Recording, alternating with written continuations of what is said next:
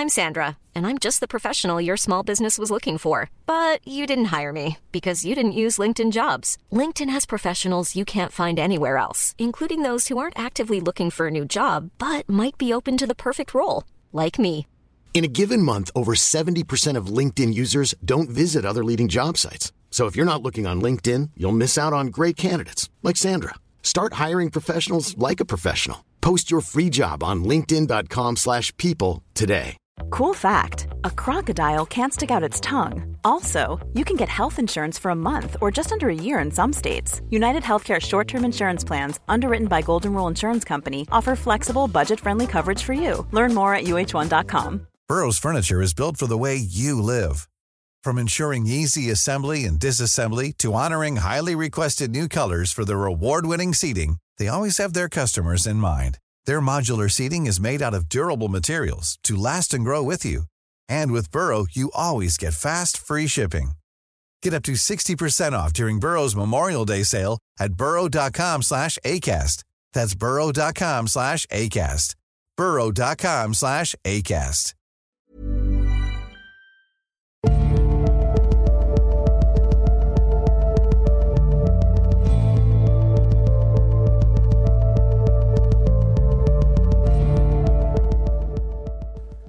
Hei og velkommen til Tåkeprat. Jeg heter Even, og denne episoden av Tåkeprat er sponset av Otrivin og Ibux. Jeg har nemlig pådratt meg en særs hissig variant av forkjølelsesviruset, og har tilbrakt store deler av denne uka under dyna. Men siden jeg ikke har anledning til å ta opp denne episoden i helgen, så bestemte jeg meg for å gjøre et helhjertet forsøk i dag. Så dere får ha meg unnskyldt for litt eh, heshet, og jeg skal forsøke å ikke snufse og hoste i mikrofonen. Jeg tar opp denne episode 116 og den siste delen i serien om livet til Elena Blavatsky, torsdag den 31. oktober 2019. Natten i dag ble markert over store deler av Europa og USA under flere ulike navn, som halloween og Samhain. I Den norske kirken markeres denne feiringen som allhelgensdag, og denne ble lagt til den første søndagen i november. I Norge har vi importert tradisjonen fra USA, en tradisjon som til forveksling ligner på den norske utgåtte tradisjonen med å gå julebukk. Men bak masseproduserte kostymer fra Kina og sanking av godteri finner vi en tradisjon med dype røtter i europeisk folketro. Sawin, som skrives Samhain, men som jeg forsøker å uttale på gallisk som best jeg kan, er en høytid som markerer begynnelsen på den mørke delen av året. Og man trodde at barrieren mellom vår verden og det hinsidige var spesielt tynn denne natten. Jeg så forresten nettopp et uh, Samhain kondom-meme på nettet, som spilte nettopp på denne tynne barrieren. Dette førte til at naturånder, skrømt og slikt, lettere kunne besøke vår verden, og man pleide å legge ut offergaver til disse vesenene denne natten, som ble markert med bålbrenning og ritualer. På samme måte trodde man at døde slektninger og venner kunne besøke en på denne natten, og den tradisjonen om å hedre sine døde er en som er blitt holdt i hevd og som så mange andre gamle feiringer, er blitt integrert i kirkens ulike markeringer. Så det er altså fullt mulig å markere Zawin, enten du er kristen, hedning eller ateist. Det å ha en årlig markering for å minnes de døde, er jo slett ikke en dum tradisjon, og det er strengt talt ingen religioner eller trosretninger som kan legge beslag på den tradisjonen. Og så litt business. Nå har jeg endelig lagt ut Tåkeprat-T-skjortene for salg på tåkeprat.com. Det var utrolig morsomt å se at de virkelig har fått bein å gå på. Og jeg må vel rette en ekstra takk til dere små jenter der ute, for eh, girly-skjortene i small og medium ble faktisk revet vekk i løpet av noen få timer etter de ble lagt ut for sag. Men det er fremdeles en del igjen, selv om beholdningen begynner å minke betraktelig. Så om du har lyst til å sikre deg en skjorte fra det første opplaget, så gjelder det å være kjapp på labben. For eh, selv om jeg nok kommer til å trykke opp et nytt opplag etter hvert, så kan jeg ikke garantere når jeg får gjort dette, eller om det kommer til å bli med samme design. Jeg har nemlig noen planer på gang i akkurat det departementet, så får dere vente i spenning og se hva jeg klarer å trylle fram. Denne gangen så trykket jeg hva som regnes som et standard utvalg av størrelser, men jeg ser nok at jeg må oppjustere antallet litt i enden av skalaen, og også få trykket et par størrelser større også. Jeg er nemlig snart tom for både large og extra large, og det er flere som har ønsket seg skjorter med en X eller to til. Man lærer så lenge man lever, og dette var forhåpentligvis bare første opplaget av hva jeg håper blir en lang, lang rekke med merch av ulike slag.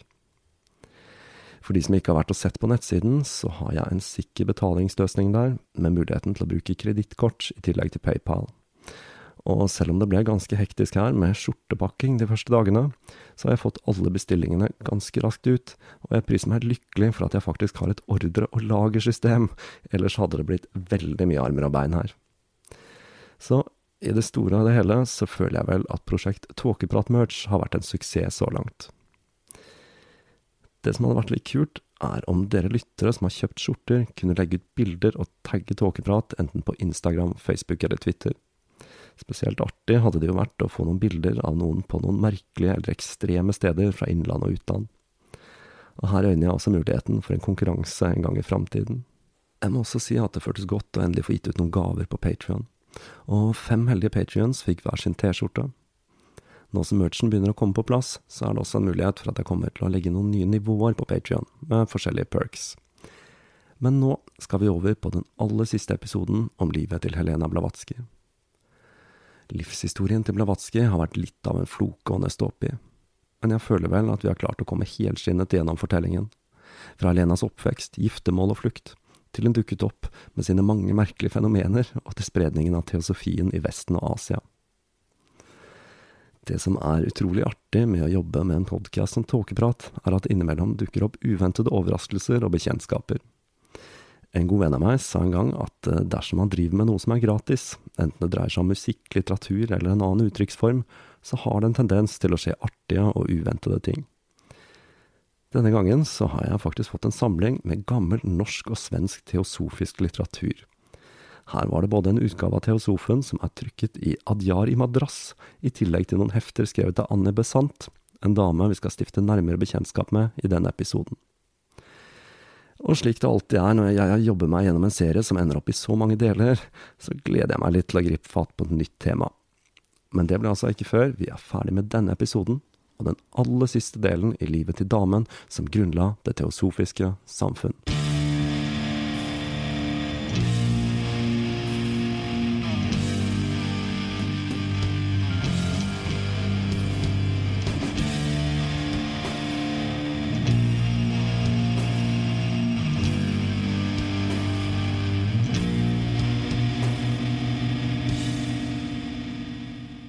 Første bindet av Den hemmelige doktrine ble publisert den 1. november 1888, tett fulgt av bind to, som kom den 28. desember samme år.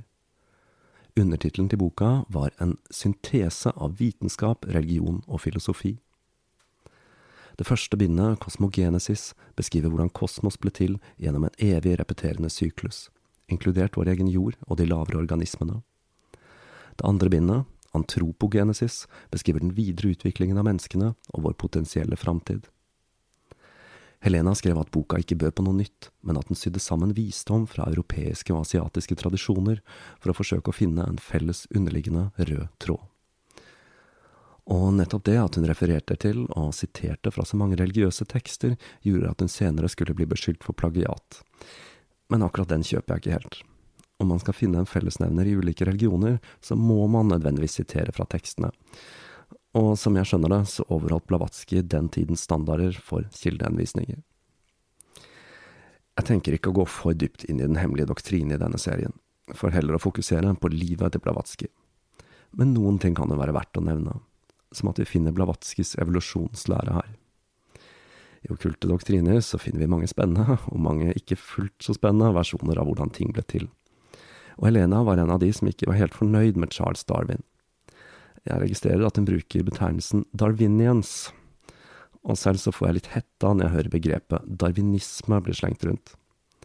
Selv om det er en del år siden jeg leste Artenes opprinnelse, så husker jeg dette som en svært logisk og fascinerende bok, som blant annet forutså ting som platetektonikk lenge før dette fenomenet faktisk ble oppdaget. Og det å bruke isme om en vitenskapelig hypotese er i det hele tatt litt sketchy. Men for Helena Blavatsky så manglet Darwin den spirituelle vinklingen på evolusjonen, og hun sa at hans fortelling startet i midten av den faktiske historien. Hun fortalte at planeten vår er en slags fødestue, der skapningen gjennomgår en evolusjonær og spirituell utvikling, fra planter til dyr, til menneske, til åndsvesener, og til slutt til guder. Helena mente at vi er på det stadiet der vi snart kan ta det neste evolusjonære skrittet ved hjelp av renselse og selvutvikling, men hun påpekte også at dette er noe som kan ta mange tusen år. Som jeg forstår dette, så er dette faktisk det stikk motsatte av Steiner sin idé om at artene degenereres ut ifra et primalvesen som oppsto i Atlantis, eller var det Lemuria, mon tro? Det er jo også der antroposofien blir litt ullen, når denne degenereringen av primalvesenet kategoriseres av ulike menneskeraser, som så blir fulgt av dyr, osv. Men, men, nok om friske evolusjonsteorier. Jeg skal som sagt ikke gå dypere inn i den hemmelige doktrine, men jeg kan nevne at Helena Blavatsky var overbevist om at vitenskapen først ville overse dette verket, men etter hvert ville innse at dette kom til å tette hullene i vitenskapen. Her drev altså Blavatsky med det vi kaller for God of the Gaps, et syndrom flere svært kloke mennesker opp gjennom tiden har lidd av, inkludert personer som Isaac Newton. Nemlig det å bruke det vi ikke vet, eventuelt egen uvitenhet, som en forklaring på Gud. Etter å ha snakket med en del mennesker som nettopp lider av God of the Gaps, så sitter jeg med et inntrykk at dette skyldes en manglende forståelse av den vitenskapelige metode, og kanskje spesielt bruken av ordet teori i den sammenheng. Det at man ikke har forstått hva en teori er, er noe som flittig blir brukt som et argument av flat jordfolket og kreasjonister. Jeg er litt usikker på om man faktisk ikke forstår at dette ordet har en annen betydning i vitenskapelig sammenheng enn i dagligtalen, eller om det bare er viljen det står på. Den hemmelige doktrine skulle som ISIS avslørt selge svært bra.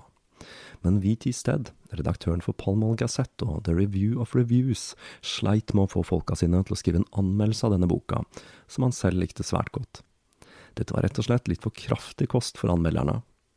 Og da kontaktet han sin venninne Annie Besant, som sa seg villig til å ta på seg nettopp den oppgaven. Og Annie Besant, det var litt av en karakter. Hun ble født i London i 1847 av en irsk mor og en halvt irsk far. I ungdommen var hun svært religiøs, og hun giftet seg med en prest. Men Annie begynte å tvile på liturgien til kirken, og mannen hennes ble mer og mer skeptisk til hennes stadig mer ukonvensjonelle religiøse synspunkter noe som førte til at paret ble separert i 1873. Dette er et stygg tøft kvinnfolk, altså, og muligens en person som hadde fortjent sin egen serie en gang i framtiden. Annie Besant var svært kjent i den engelskspråklige verden og på store deler av kontinentet som en av de mest ekstraordinære kvinnene i samtiden. Hun beveget seg i de intellektuelle sirklene og var svært aktiv politisk. Hun var tidlig medlem av Fabian Society, som var en britisk sosialistisk gruppe som fokuserte på den intellektuelle siden av sosialisme, i kontrast til den revolusjonære marxistiske, og som ønsket å gjennomføre en gradvis overgang til et sosialistisk system. Hun var også en høylytt talsperson for sosiale og utdanningsreformer, i tillegg til at hun var feminist. Dramatikeren Bernard Shaw som også var en ganske sprek personlighet og et medlem av Fabian Society, omtalte henne som den største kvinnelige taleren i sitt århundre. Og Annie Besant skulle skape enda mer furore når hun gjorde seg bemerket som streikeleder og talskvinne for fagorganisasjoner. Hun var også en innbitt tilhenger av indisk og irsk selvstendighet, og senere skulle hun spille en viktig rolle i en annen svært spennende del av fortellingen om teosofene, når hun adopterte Jiddu Krishnamurti, som hun hevdet var den nye Messias og en inkarnasjon av Buddha. Men det er en historie vi får spare til en annen gang. Våren 1889 spurte Mr. Stead Annie om hun ikke ville anmelde Den hemmelige doktrine, og Annie beskrev sitt første møte med boka på følgende måte.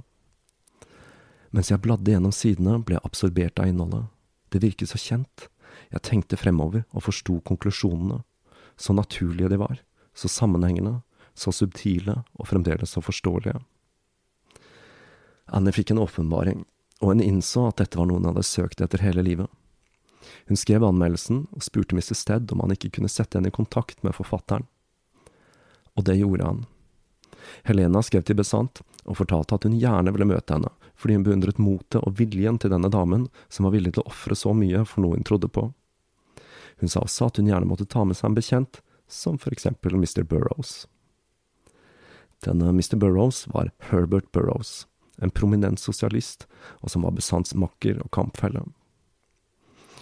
Annie beskriver dette møtet som et som var veldig lite mystisk. Helena fortalte om sine mange reiser mens hun kontinuerlig rullet sigaretter. Det var ikke noe snakk om det okkulte, og hun fremsto som en verdensvant, jordnær dame som samtalet med sine gjester. Innvendig kjempet Annie Besant en kamp. Hun hadde nemlig svært lyst til å bli med i Det teosofiske selskap, men hun var smertefullt klar over at dette ville gjøre det enda vanskeligere for henne selv. Ikke minst med administrasjonen på skolen der hun studerte, som hadde nok å bryne seg på fra før, om hun nå ikke også skulle bli med i en okkult losje. Helena så på henne. Har du lest rapporten fra The Society for Psychical Research? Anne ristet på hodet og svarte at hun hadde ikke det. Helena hentet frem en kopi av rapporten og rakte den til henne. Les den, og så kan vi snakke sammen. Anne Besant leste rapporten, ikke bare én, men to ganger. Hennes konklusjon var at dette var en rapport som var skrevet for å sverte Blavatsky og teosofene, kun basert på Columb-ekteparets påstander om at de hadde vært delaktige i svindel med Blavatsky i India. Annie Besant og Herbert Burrows ble medlemmer av Det teosofiske samfunn den 10. mai 1889. Hun gikk ut med dette offentlig i The Star like etter. Nyheten forbløffet det britiske samfunnet, og i august holdt hun en serie med foredrag med tittelen Hvorfor jeg ble en teosof, med tematikk som karma, reinkarnasjon og hemmelige mestere. Og Gandhi var til stede under et av disse foredragene, som ble holdt i Whitechapel. Det som er litt artig her, er at det var i Whitechapel Jack the Ripper var aktiv. Og ikke bare det, drapene foregikk nettopp i denne perioden. Uten at det har noen sammenheng for øvrig, får vi tro. Nå fikk Helena en ny gruppe med fiender. Ateistene og fritenkerne som hadde vært så begeistret for Besant, raste nemlig mot Blavatsky, som de mente hadde lurt til seg deres elskede Annie og Besant hadde rett i at det å bli med i det teosofiske samfunn ville koste henne dyrt, når flere av hennes gamle venner og allierte vendte henne ryggen på grunn av hennes nye religiøse overbevisning.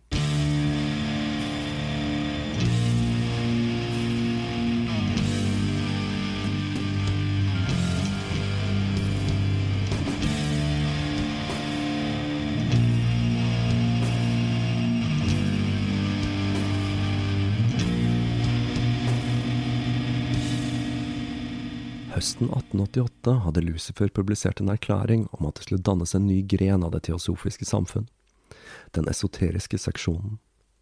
Dette var tenkt som en gruppe som skulle fokusere på dypere studier av esoterisk lære under den direkte ledelsen til Helena Blavatsky. Denne gruppen drev ikke med praktisk okkultisme, seremoniell magi eller lignende, og gruppen var underlagt et ekstremt hemmelighold, noe som gjorde at det var utfordrende å trykke litteraturen og en liten gruppe med fem eller seks medlemmer var nødt til å kopiere litteraturen for hånd. Men etter hvert så skulle de slippe denne munkeaktige håndkopieringen når Judge og Det amerikanske teosofiske selskap startet sitt eget trykkeri, som ikke bare trykket de hemmelige instruksene til den esoteriske seksjonen, men også annen teosofilitteratur. I 1879 skulle Helena ha blitt gitt en profeti fra en mystiker i India.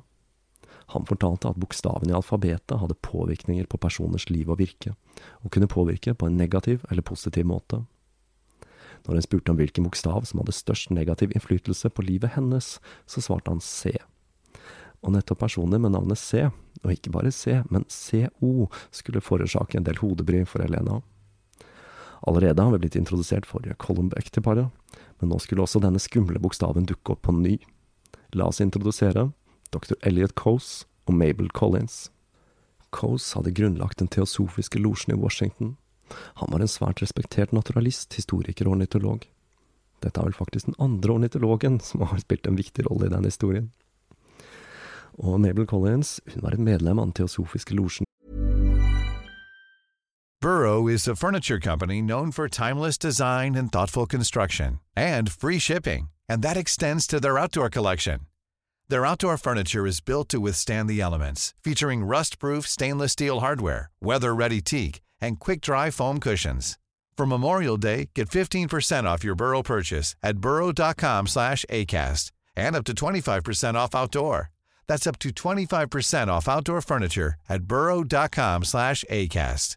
If you thought the only way to get a more defined jawline with natural looking results was through surgery, think again. Juvederm Volux XC is a non surgical injectable gel filler that improves moderate to severe loss of jawline definition and can help you achieve natural looking results with little downtime. Even better, this improved definition lasts up to one year with optimal treatment. No maintenance required. Improve jawline definition for a smooth, sculpted look with Juvederm Volux XC. For important safety information and to find a licensed specialist, visit juvederm.com. That's J U V E D E R M.com. Not for people with severe allergic reactions, allergies to lidocaine, or the proteins used in Juvederm. Common side effects include injection site redness, swelling, pain, tenderness, firmness, lumps, bumps, bruising, discoloration, or itching. There's a risk of unintentional injection into a blood vessel, which can cause vision abnormalities, blindness, stroke, temporary scabs, or scarring. Talk to a licensed specialist to find out if it's right for you.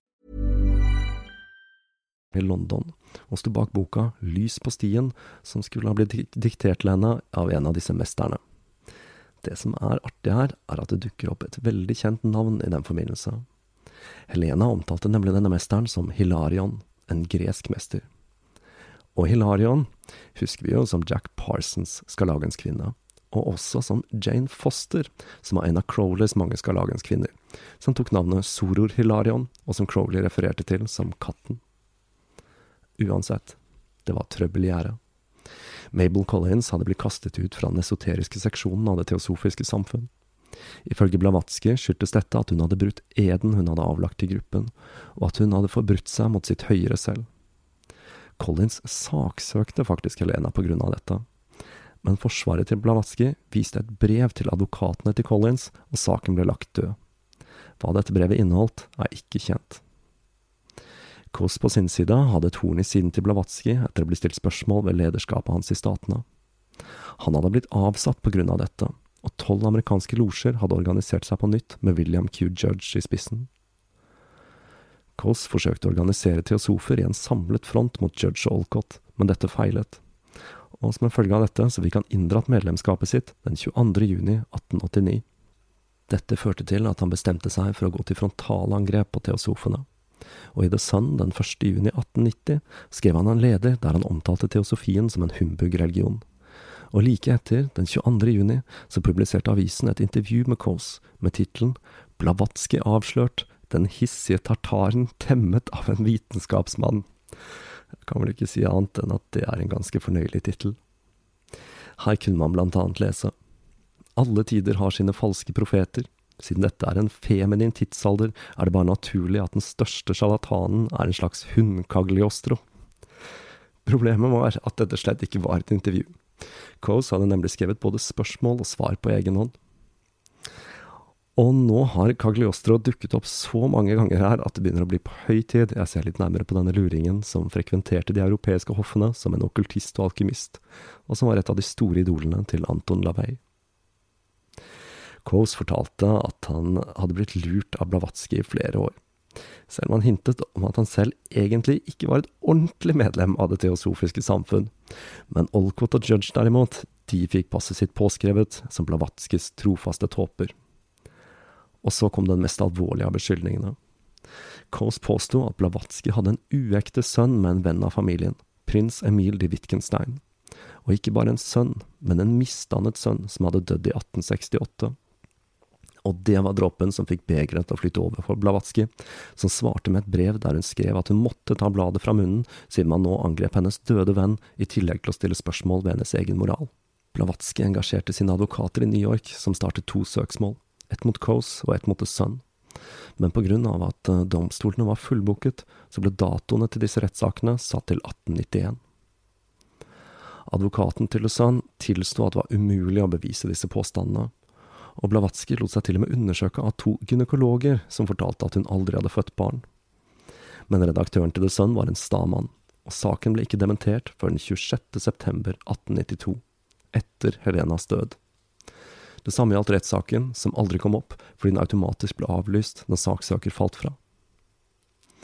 Våren 1889, mens denne saken pågikk, fikk Helena atter en gang beskjed av legene om å ta det rolig. Og når hennes franske venner hørte dette, så inviterte de henne til Fontainebleau. Hun dro dit, og ble der i tre uker. Som vanlig så fikk hun besøk av en rekke venner, deriblant Anne Besant. Men det som var av spesiell betydning med dette besøket i Frankrike, var at det var der hun skrev Stillhetens stemme. En bok hun hevdet besto av transkripsjoner fra en hellig bok hun hadde kommet over i Østen. Og Anne Besant hun fortalte at Helena på samme måte som med tidligere bøker skrev denne fra tilsynelatende usynlige kilder.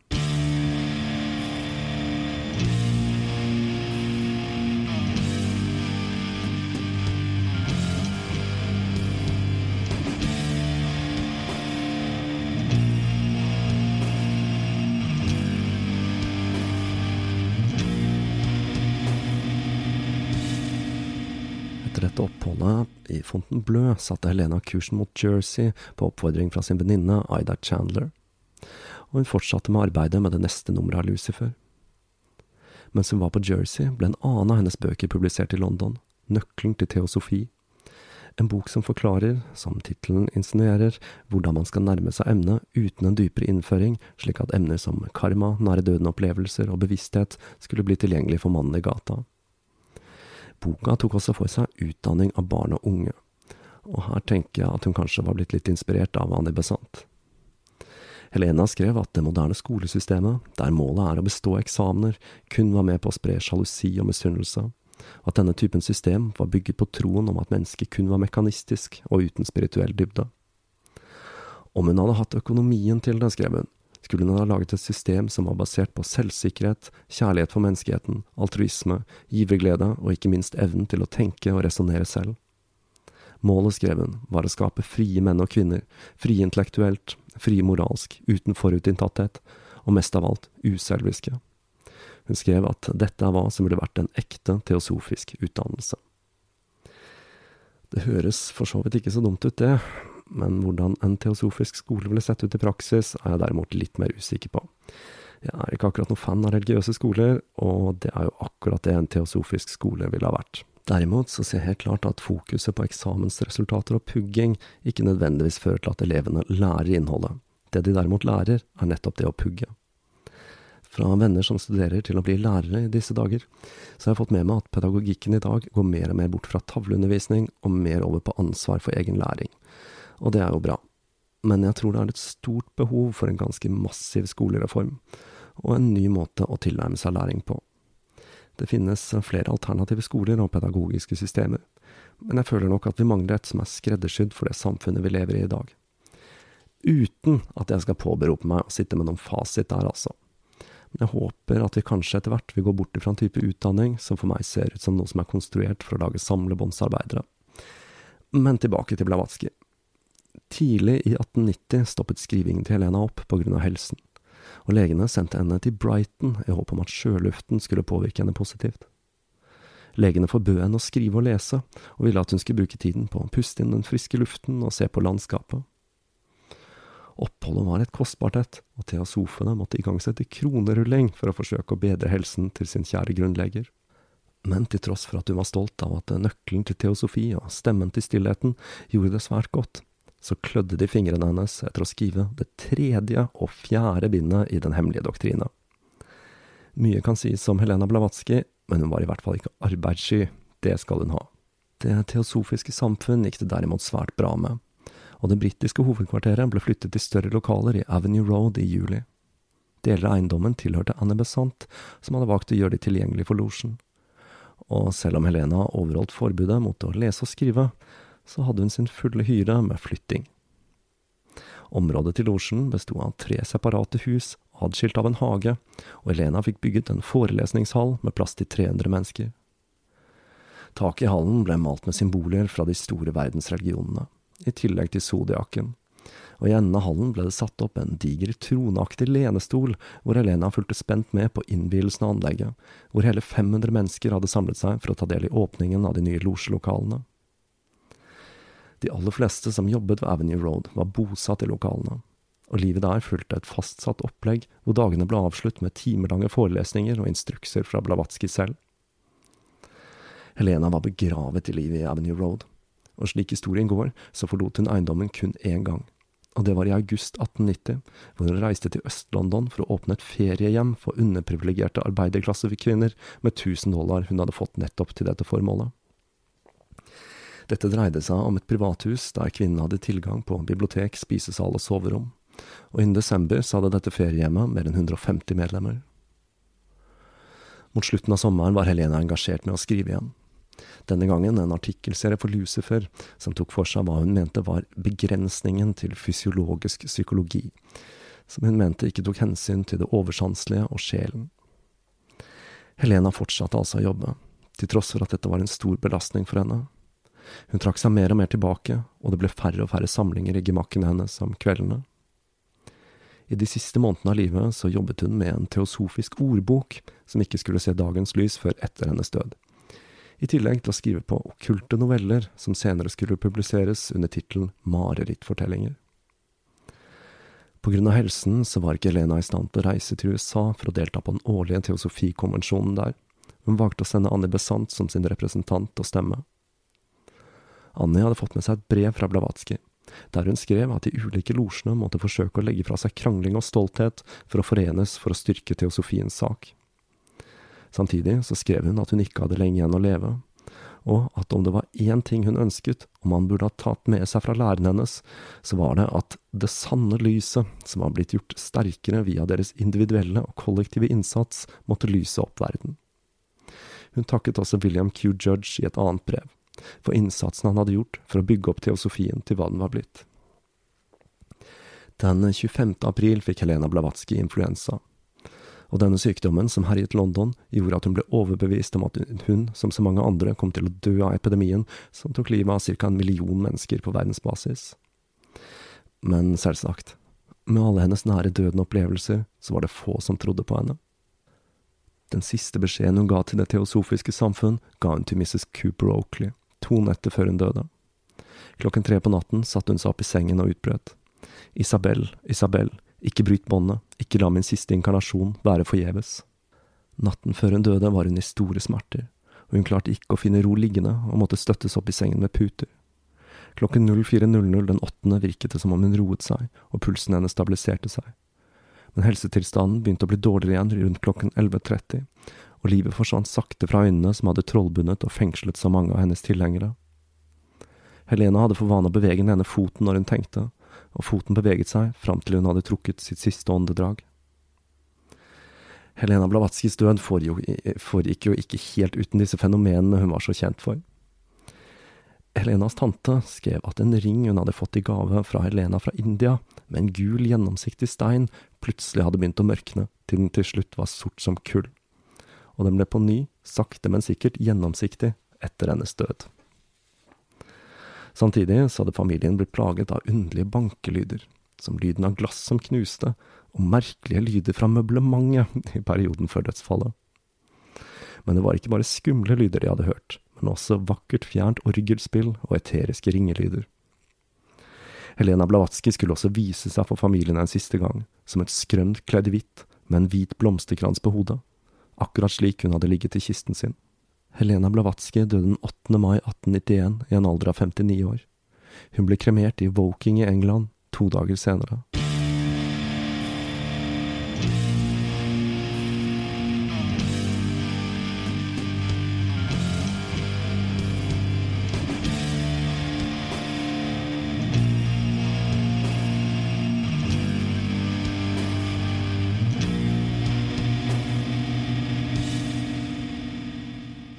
Det var historien om Helena Blavatsky, og en liten del av historien om Det teosofiske samfunn. Så da håper jeg dere, som meg selv, har fått en litt dypere innsikt hvem teosofene er, og at dette er en serie som kan brukes som et referansepunkt i fremtidige episoder. Helena Blavatsky blir ofte avfeid som en ren sjarlatan.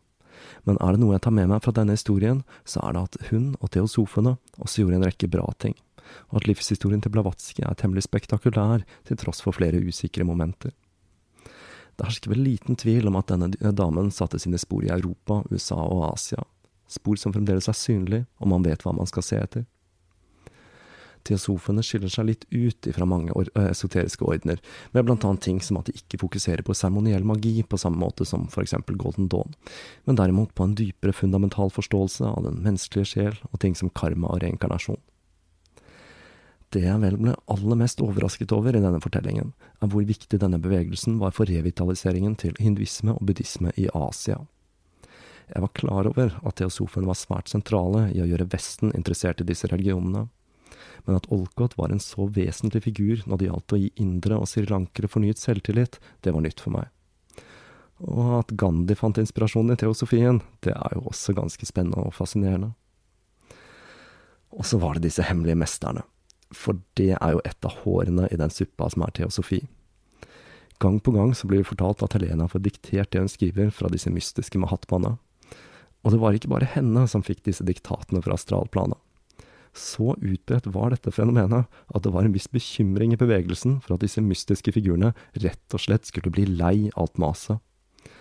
Og da kan vi jo spekulere. Var det derfor de forsvant sporløst? Ble de rett og slett så lei av alt maset fra teosofene at de gjemte seg bak en usynlighetsmur og aldri kommer til å dukke opp igjen? Det er noe å tenke på. Men nå, nå er jeg ferdig med russere for en stund. Jeg har en hel haug med tema på lista, inkludert flere som kommer fra lyttertips, og her spenner tematikken seg ganske vidt. Fra middelalderhistorie og obskure okkulte bevegelser og tradisjoner til mer samtidsbaserte temaer. Men jeg tror at jeg denne gangen skal ta et par skritt bort fra det okkulte, og ta for meg et litt mer lettbeint tema i neste serie, nemlig en svært kjent seriemorder. Om ikke det blir en liten episode med noe annet før den tid. Jeg har nemlig noen planer for enkeltstående episoder også, og det er også mulig jeg gjør enda et forsøk på en samtaleepisode denne høsten. Vi får se. Denne seriemorderen jeg tenker på, det er nemlig en person jeg har planlagt å ta for meg i lengre tid, men som har blitt skjøvet foran andre tema. Det er en mange av dere nok har hørt om tidligere, men historien hans er en som har vært så innsauset i myter og fiksjon at jeg tror dere vil bli overrasket over å høre en versjon basert på nyere gjennomgang av kildematerialet. Jeg har tenkt litt på å gå bort ifra det å gi ut uh, tåkeprat bare på søndager. Og jeg luftet ideen på Patrion, og det høres ut som det kan være stemning for det. I motsetning til mange andre podcaster, så er Tåkeprat nemlig et kontinuerlig arbeid. Og tanken med å gi ut episoder på søndager var opprinnelig at da er lørdagen og søndagen på finpussepisodene. Men slik det er blitt nå, så hender det titt og ofte at jeg sitter klar med en episode midt i uka spesielt om det har tatt mer enn en uke å sy den sammen. Og Spørsmålet er derfor om det er innafor å slippe episoden når den er ferdig, framfor å vente til søndagen. Jeg har fått noen innspill fra lyttere som har fortalt meg at søndag er den verste dagen å slippe ting på nettet på, mens andre gleder seg til søndag og tåkeprat. Så om noen har noen sterke meninger om akkurat det, så er det bare å ta kontakt. Så fram til neste episode så vil jeg som vanlig oppfordre til å følge podkasten i sosiale medier, tipse en venn eller bli en patrion. Om du ønsker deg en T-skjorte, så gjelder det altså å være tidlig ute, for disse går fort unna. Linker og nettbutikk finner dere på tåkeprat.com. På gjenhør.